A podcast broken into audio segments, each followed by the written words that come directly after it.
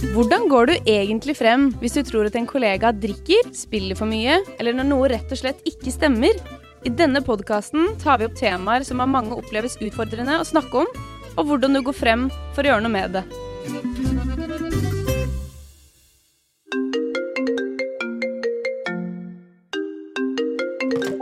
Hei, nå snakker du med Trine. Jeg ringer fra Norsk Tipping. Og så alltid ja, når man ringer fra Norsk Tipping, så blir jo den i den andre enden veldig, veldig nysgjerrig.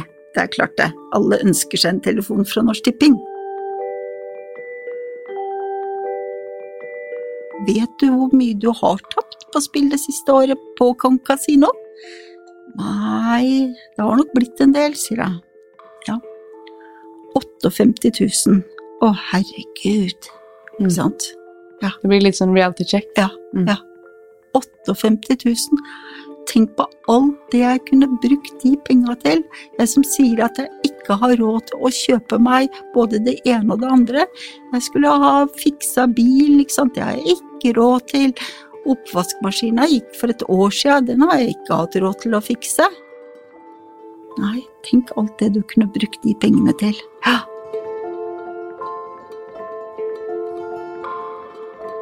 Det er mange som venter på telefonen fra Hamar. Er det i dag den store gevinsten endelig kommer fra Norsk Tipping? Det ikke like mange venter på, eller kanskje har hørt om i det hele tatt, er den andre telefonen fra Hamar. I fjor så hadde Norsk Tipping over 3200 såkalte proaktive samtaler.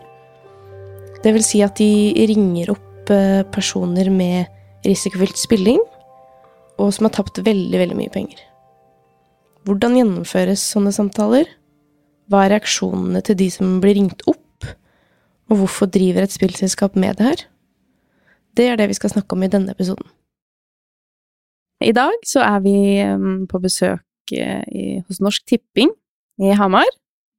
Og vi skal snakke litt om proaktive samtaler, som er et av Norsk Tipping sitt forebyggende arbeid, rett og slett. Um, og med oss så har vi Kristin. Velkommen. Takk for det. Da, hva er det du jobber med? Jeg følger opp kunder som har en eh, negativ spilletferd. Per i dag så er vi nå tre stykker, men det kommer to til på veien, som da skal gjøre den samme jobben som det jeg gjør. Riktig. Og det er eh, rett og slett Dere ringer opp um, spillere hos Norsk Tipping som det varsler et slags rødt flagg hos. Ja, det er jo flere årsaker gjerne til at vi, vi følger opp til kundene. Det kan være kunder hvor vi har bedt om ulike kriterier, kunder som uh, har tapt mye penger. Gjerne om det er det siste halvåret, siste året, uh, de yngste kundene, eller det kan være nye kunder.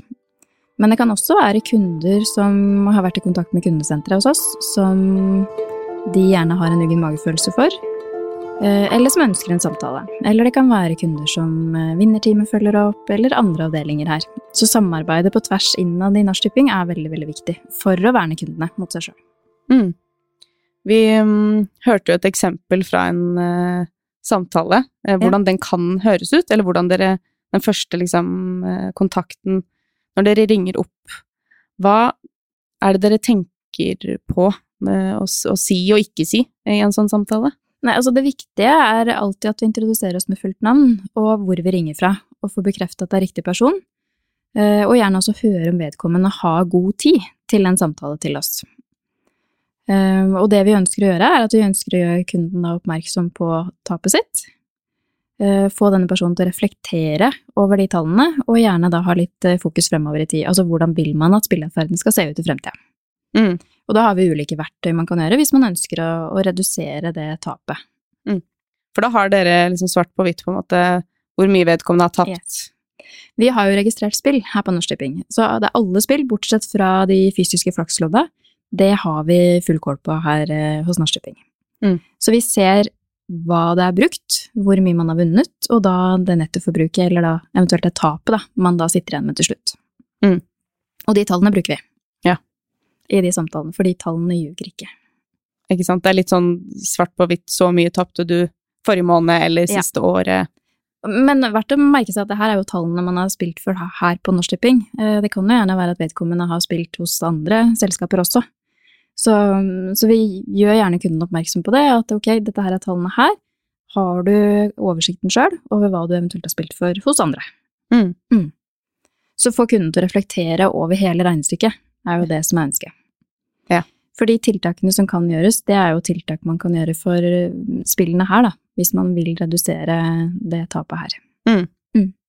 Og hos Norsk Tipping så er det jo sånn at det er en grense for hvor mye du kan spille for i måneden. Ja, det er grense for hvor mye penger du kan tape i måneden. Det var det. Mm. Mm. Det er jo omsetning av minuspremier, og det, det man maksimalt kan tape i måneden, er 20 000 kroner. Mm. Og dere har da, som du sa, ja, mulighet til å se, eller plukke opp spillere som dere på et vis er bekymra for. Vi følger opp de kundene hvor vi ser at her er det negativ atferd. Mm. Og da tenker vi at det er vår plikt å følge opp de kundene her, og gi dem da den muligheten til en samtale med oss, for å bli bevisstgjort da om, eh, om det her etapet, eh, og rette fokuset fremover igjen. Pengene som er tapt, får du ikke igjen, Mm. de er jo borte. Mm. Men, eh, men vil du fortsette på den veien her, eller vil du gjøre noen tiltak? Og gir dere råd i de samtalene, eller hva, hva liksom I utgangspunktet så ønsker vi at kunden sjøl skal komme med, med det gode valget. Sant? For gjerne så sitter jo kunden med svaret sjøl på hva man vil, bare man får de riktige spørsmåla stilt. Um, så jeg er egentlig veldig overraska over mange av de kundene som egentlig kanskje har tenkt tanken da, på å redusere, og gjerne også hvor mye de syns det er greit å tape i måneden på spill. Ja. Gjerne i forkant av en samtale. mm. Men erfaringen er at mange syns det er veldig vanskelig å ta det grepet sjøl. Mm. Ok, jeg tenkte at 1. 1. januar, da, da skal jeg gå inn. Da skal jeg redusere. Men så ble det til at man spilte isteden. Ja. Så det å kunne sette bort den kontrollen til noen andre, altså at noen andre kan tilby seg å gjøre de tiltaka, det er det veldig mange som sier ja takk til. Ja, for hva, hva blir dere møtt med i andre enden når dere tar opp telefonen og ringer til folk som Ja, det- dere ringer og sier det er for Norsk Tipping, så tenker man at man har vunnet penger, kanskje? Vet du, jeg tror at de kundene som vi prater med, de aller fleste her har jo god oversikt over at de ikke har vunnet. Mm. Sant? Og dette er jo gjerne kunder som vet at her er tapet ganske stort. Eh, Så personlig har jeg egentlig vet du, veldig få som har trodd det har vært en vinnersamtale i utgangspunktet. Mm. Men, men det er erfaringen, og før vi startet med den jobben her i 2016, så trodde vi at vi skulle møte mange, mange sinte mennesker. Ja, for det, tenk, det hadde jeg også tenkt. Ja. Mm. Men uh, saken var at det, nei, det er veldig, veldig få som blir irritert.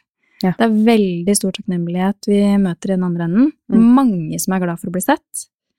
Uh, og endelig er katta ut av sekken for mange. Mm. Det er som å rive av et plaster. Under er det en kjempebyll. Mm. Ja, for dere er prøver å på en måte kanskje ikke grave, men gjennom samtalen så finner dere jo ofte ut at det kanskje ligger noe Mm. mer under allspillingen, da. Ja, og det er jo hvorfor spiller man? Eh, er det den drømmen om å vinne? Er det drømmen om å vinne tilbake igjen det tapte? Eller spiller du av en helt annen grunn? For at det er tankekaos som du ikke orker å hanskes med? Er det fordi at du kjeder deg? Vi er jo ikke så gode på å kjede oss lenger. Hva er årsaken til at du spiller? Og da vil du det her fortsatt fremover i fremtida? De fleste sier jo gjerne nei. Mm. Mm. Hva slags type historier får dere? Eh, altså, veldig mange har faktisk et behov for å åpne seg på å forklare hvorfor man spiller. Det er jo gjerne livskrise man har møtt, da. Eh, enten om at man har mista jobben, eller at man har gått fra samboeren, eh, blitt pensjonist, eller det kan være barna som har flytta ut. Eh, så de krisene er jo Det er jo så mangt. Men, men det er gjerne det som kan trigge det for mange, da. Og det er jo da gjerne det du kan begynne å spille litt.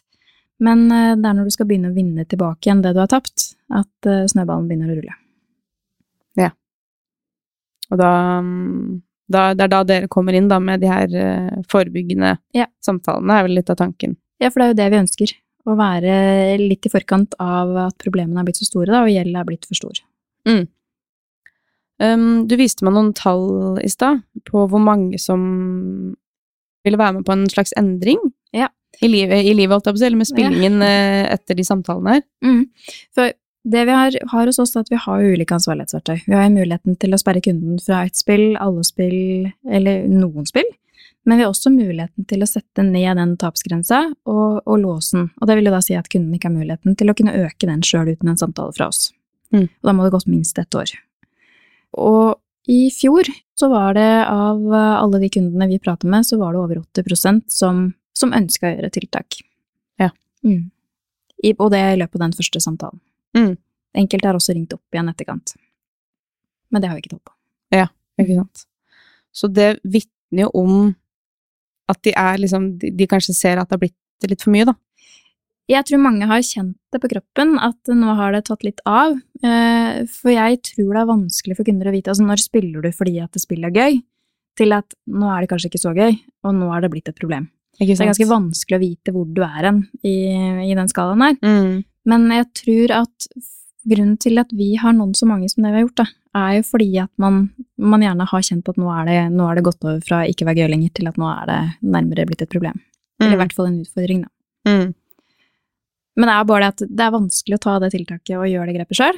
Mm. Så det at noen ser deg, noen bryr seg, eh, noen gjør deg bevisst på de her tankene du egentlig sitter med sjøl, ved å stille noen spørsmål, så tror jeg det er mange som da sier ja takk, Mm. jeg vil gjøre en endring nå. Mm. Og det viser jo kanskje de tallene òg, da. Eh, Ja, det vil jeg si. Ja. Absolutt at det er mange som ønsker hjelp, og ønsker hjelp til å få tatt det grepet, Mm. som man ikke klarer sjøl. Ikke sant. En ting er jo det de, dere kan gjøre, med mm, å liksom sette litt sånn begrensninger Mm. med, hos dere, men mm, er det andre Gir dere råd om hjelp de kan få andre steder, hvis dette problemet kanskje er ganske stort etter hvert? Ja, altså det, jo, det kan jo være ganske sånn sammensatte problemer. Én ting er hvis det bare er spill, så spør vi alltid om noen spiller eh, hos andre aktører også. For hvis man ønsker å ta grep hos oss, så kan det jo være tips om hvordan man tar grep hos de andre aktørene også, som vi da gir dem. Eh, Men samtidig så ser vi at det kan være mer sammensatte problemer, enten med psykiske problemer og spill, eller om det kan være andre avhengigheter i tillegg. Eh, Og da har jo ikke vi den kompetansen til, til å ta oss av det. Ja, vi kan ta de grepa som er her, men ikke på alt. Mm. Og da kan det være at vi kan henvise til eh, fastlegen Mm. for å se den, det mennesket i en helhet. Mm. Eller det kan være at vi henviser dem til Spillavhengighet Norge. Det kan være til Nav for økonomisk rådgivning. Mm. Så, så i utgangspunktet da, så, så tenker jeg den veien vi viser dem videre, det varierer helt ut fra hver enkelt uh, kunde vi prater med. Mm. Og det er vel veldig mange forskjellige mennesker dere møter? Jeg tror vel at etter nå snart sju år med den erfaringa vi har her nå, så har vi lært at det, fins ikke noe fasitsvar her. Sant? Vi vet ikke hva vi vil møte i den andre enden. Vi har et navn, vi ser noen tall, men eh, for det første så er det et menneske vi snakker med, med mange pårørende rundt, og det, alle har sin historie. Mm. Uh, og samtidig så er det, det er tall, det er mye som kan ligge bak tall. Uh, en sum kan være helt grei for deg, men vanvittig høy for meg. Ikke sant? Uh, Men så er det også snakk om det her tidsaspektet. Altså, kanskje har du grei råd til å, til å tape såpass mye penger, men, men kanskje har du et usunt for, eller tidsforbruk da, på spill. For én ting er hvor mye penger du, eller tid, penger du bruker på spill, men en annen ting er hvor mye tid du faktisk bruker på spillet. Mm. Ja, det er mange nyanser her, egentlig. Eller sånn ja. veldig mange nyanser. Og så tenker jeg, én ting er, som jeg sa nå i stad også, det her med, med tid, men og du kan bruke mye tid inne i selve spillet, eksempel i kasinoen. Men eh, hvor mye tid bruker du på å planlegge eller å glede deg til å spille? Mm. Så på et tidspunkt så kan jo spill ta over hverdagen din. Mm. Da er det kanskje greit å oppsøke hjelp. Ikke sant? Mm. Og litt sånn vårt, øh, vårt fokus, Jakan, som jo er arbeidslivet, når, når spillingen eller de økonomiske problemene eh, går utover jobb på et vis, og det vil jo Mm. stort sett på et eller annet vis gjøre hvis problemet vokser seg stort nok, da. Om Mm. det er i tankene, eller om det er, ikke sant? Ja, det vil jo påvirke effektiviteten til arbeidstakeren. Mm. Men jeg, jeg tror det er vanskelig da, å fange opp akkurat dette her. Eh, For det er jo ganske tabubelagt. Det er mye negative følelser knytta til det her. Altså, vi har Mm. skam, vi har um, dårlig samvittighet. Masse følelser som er knytta til dette med spill. Mm. Og hvordan prate med noen om det. Ja. Det tror jeg er vanskelig. Å si at vet du hva, jeg har et problem med spill. Spill skal jo egentlig bare være gøy.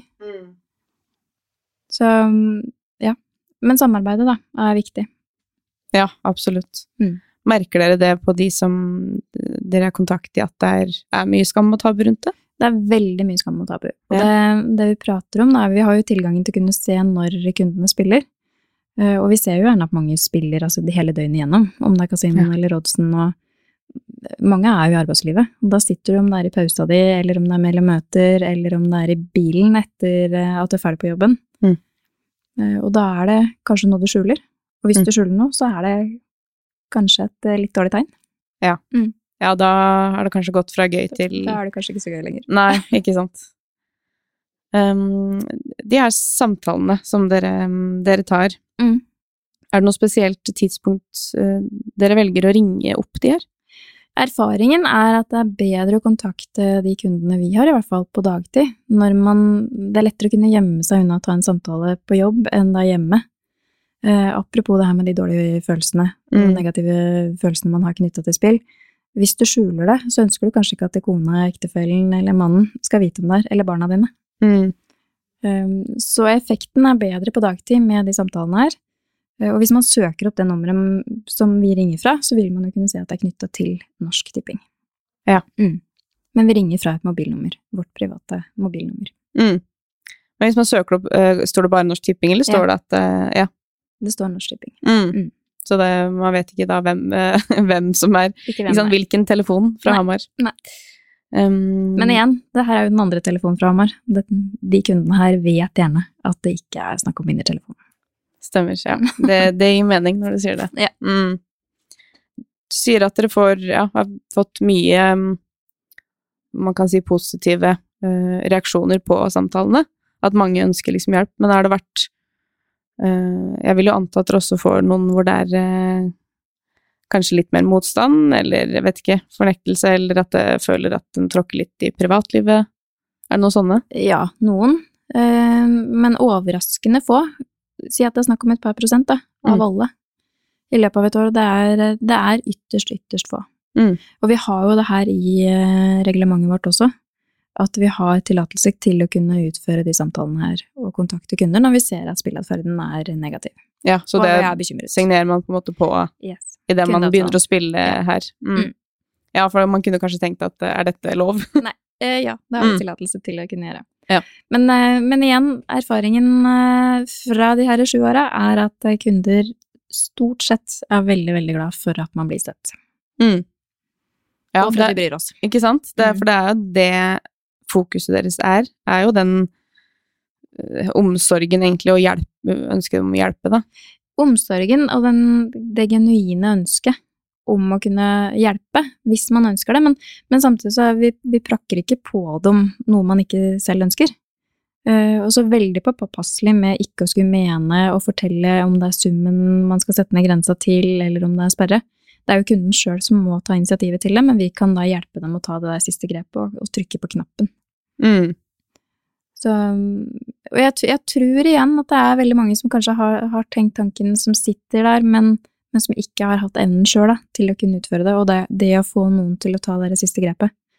For når, altså når du er i en krise, så er man kanskje ikke helt i stand heller til å, til å ta de avgjørelsene heller. Mm. Så det å kunne få den hjelpa er egentlig veldig godt. Ja.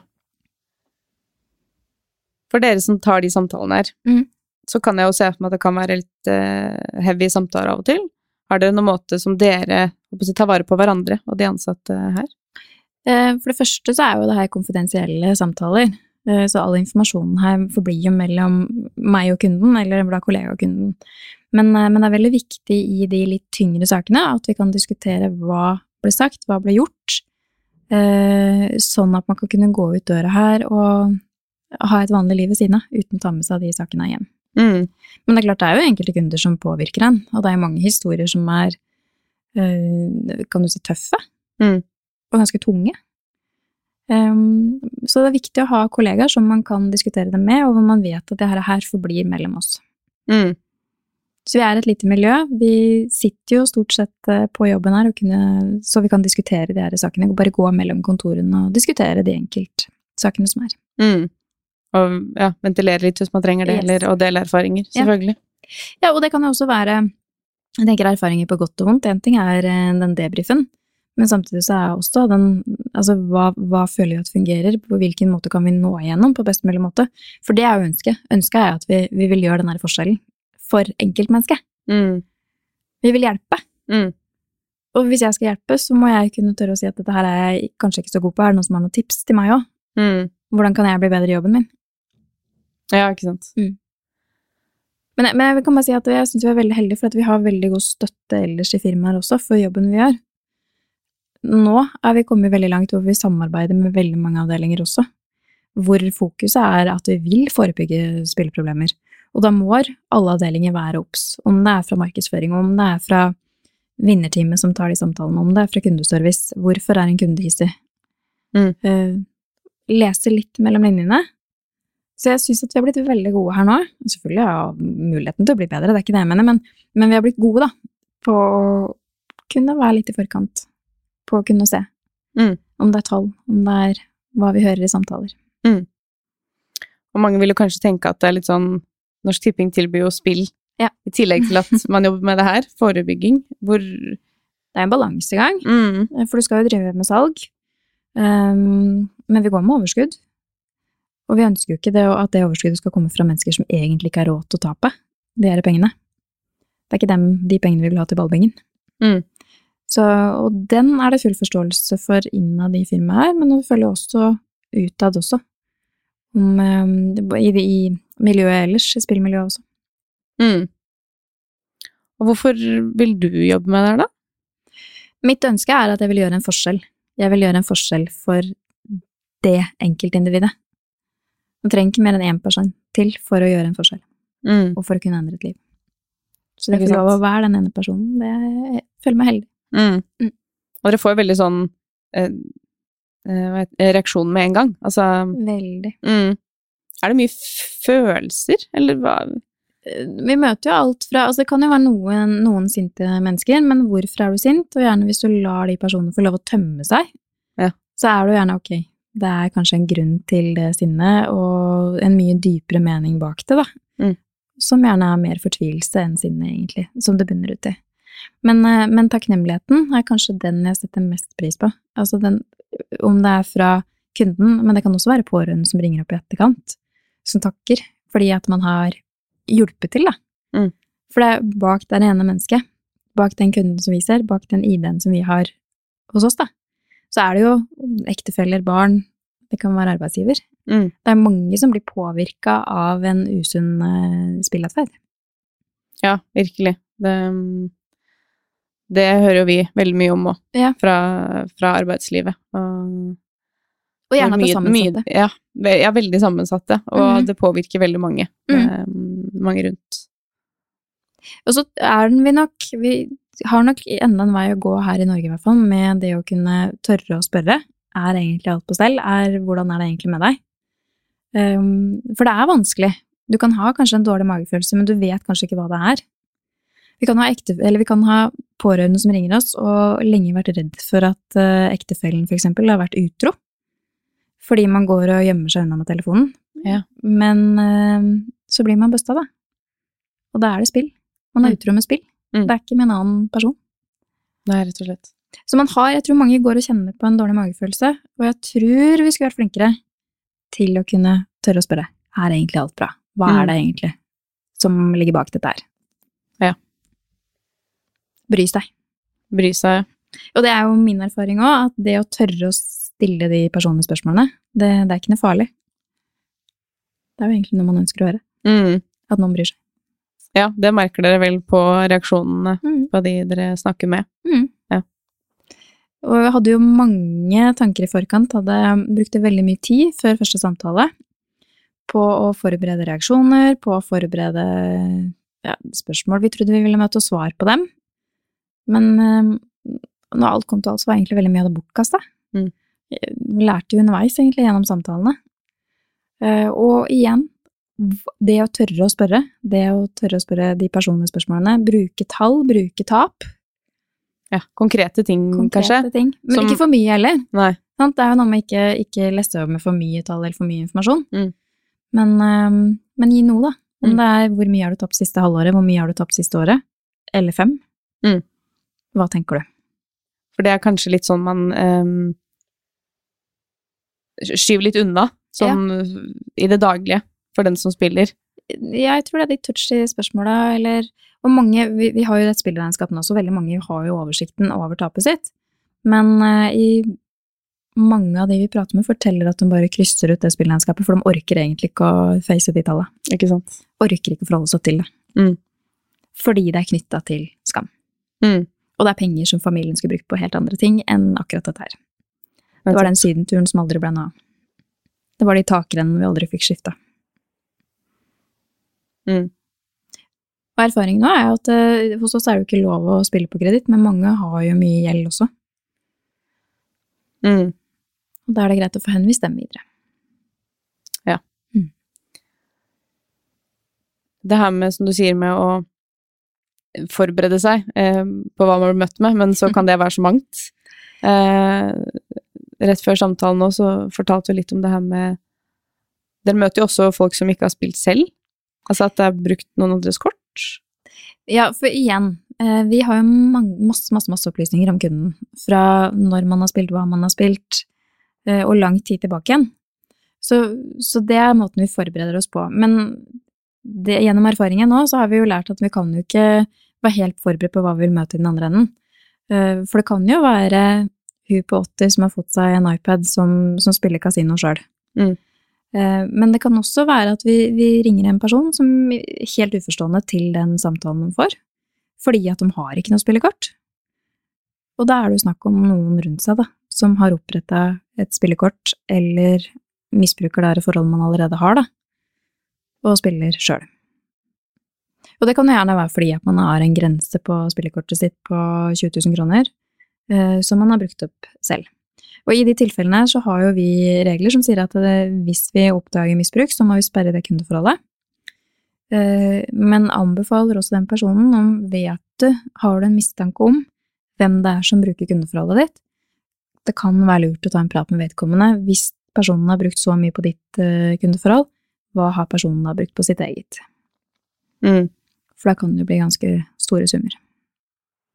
Ja. Så vi gir litt tips og råd også på hvordan håndtere de ulike, de ulike kundene og sakene vi er borti. Mm. Men ikke noe fasitsvar. Det går egentlig ikke an å forberede hva du skal møte ut fra bare noen tall og et navn og en alder. Nei, Nei. sant. Og det vi erfarer òg, er at uh, altså de menneskene som er bak de tallene og de tapene, det kan jo være hvem som helst. Det kan være hun som er i mammaperm, men som syns eh, kanskje dagene er litt lange.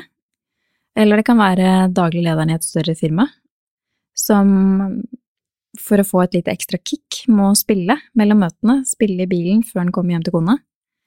Eh, Eller det kan være han som akkurat har blitt pensjonist, mannen som jobber på Nordsjøen, som eh, lever et dobbeltliv. Ja, og det kan være hvem som helst. Mm. Det kan være deg, det kan være meg. Ikke sant? Det er jo det man erfarer. Ja, det er det erfaringen dere sitter med. Mm. Mm. Og så er det um, Dere nevner ikke nødvendigvis det her med liksom, avhengighet. Det, at det går så langt i samtalene. Vil du fortelle litt om hvorfor ikke? Eh, hvis du sier ordet avhengighet, så er jo det et ganske negativt lada ord. Eh, og idet du nevner det ordet, da møter du motstand. Mm. Eh, og hvis du skal ha en avhengighetsdiagnose også, så er jo det jo legen Ja, som gir det den. er en diagnose, rett og slett. Det er en Mm. diagnose. Spillavhengighet er en diagnose. Så det er en sykdom. Heldigvis er vi kommet dit. Men, eh, men vi bruker ikke det ordet. Eh, Og kundene er eh, veldig raske med å si at men jeg har ikke et problem, jeg, har, jeg er ikke spillavhengig. Nei, nei, det er ikke det vi sier. Det vi sier er at vi ser at det er et stort tap her. Hva tenker du om det? Og igjen, én sum kan være grei for deg, men ikke for meg. Ja. Og motsatt. Mm. Men Og så vil jeg jo påpeke at vi ser at mange har jo hatt andre, kan du si, om det er avhengigheter eller hatt psykiske problemer i tillegg, for spilleavhengighet er jo- knytta til, til gjerne andre ting. Mye forskning også viser jo til det.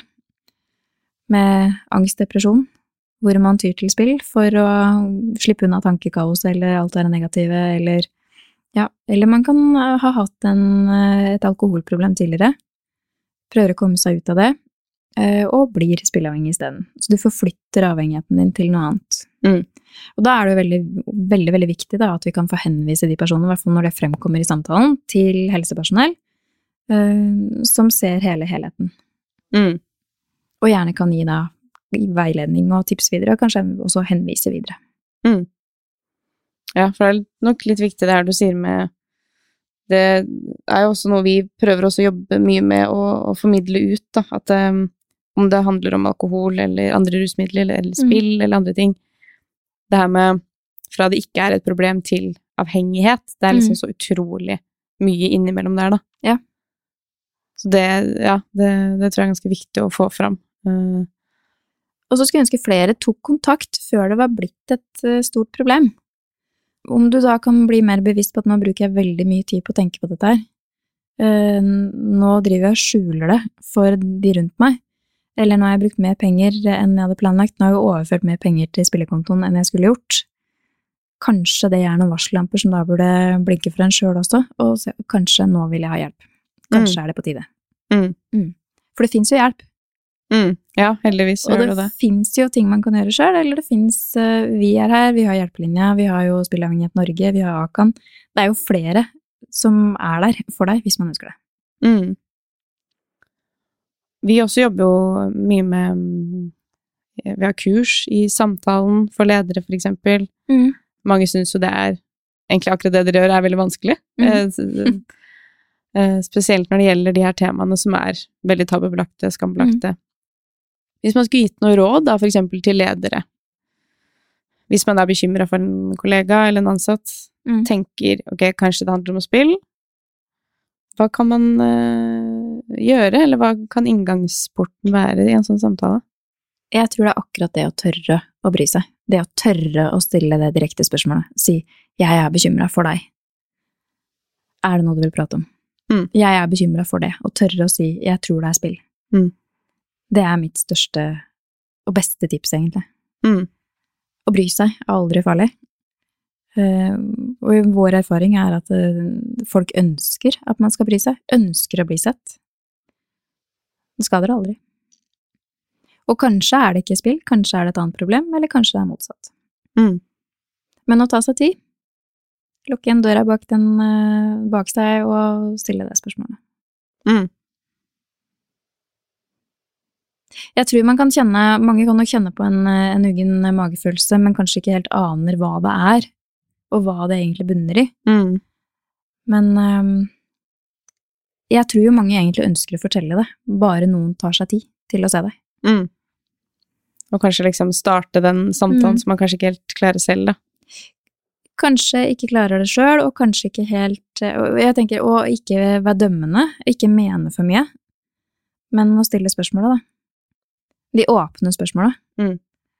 Ehm, og igjen få den personen til å reflektere sjøl. Hva er det? Det er ikke sikkert at den egentlig greier å sette ord på det heller. Og kanskje ikke vet at det er et problem. Kanskje, kanskje ikke helt vet at vi har kommet dit vi er. Mm. Men idet noen pirker litt bortpå deg og spør, ok, svaret er der. Jeg vet det egentlig. Mm. Og hvis, eh, hvis du kanskje ikke får et direkte svar der, så har vi jo også erfart at eh, man planter et frø. Jeg tror jo eh, hodet jobber i etterkant. Godt i etterkant, og kanskje man da blir mer bevisst i disse valget sjøl. Ja, det er, det er noe med det. Den, en ting er den reaksjonen man Mm. eventuelt får i selve samtalen, Mm. men um, hvis det er noe der, da, Mm. så har man kanskje satt i gang et eller annet, en slags prosess. Mm. Litt sånn som uh, vi snakka så vidt om før samtalen med Hvis dere ringer opp til noen, og de ikke tar telefonen, Mm. ok, men de ser at dere har ringt, så Mm. kanskje det i seg selv kan ha gjort noe. Det kan ha gjort noe, og vi kan ha kunder som vi har ringt to og kanskje tre ganger, men så ringer vi en siste gang, og så er det kanskje akkurat det som er nok. Jeg hadde et tilfelle nå med en eh, person som sa akkurat det, at jeg, jeg skjønte hvorfor du ringte, men jeg ville ikke ta telefonen.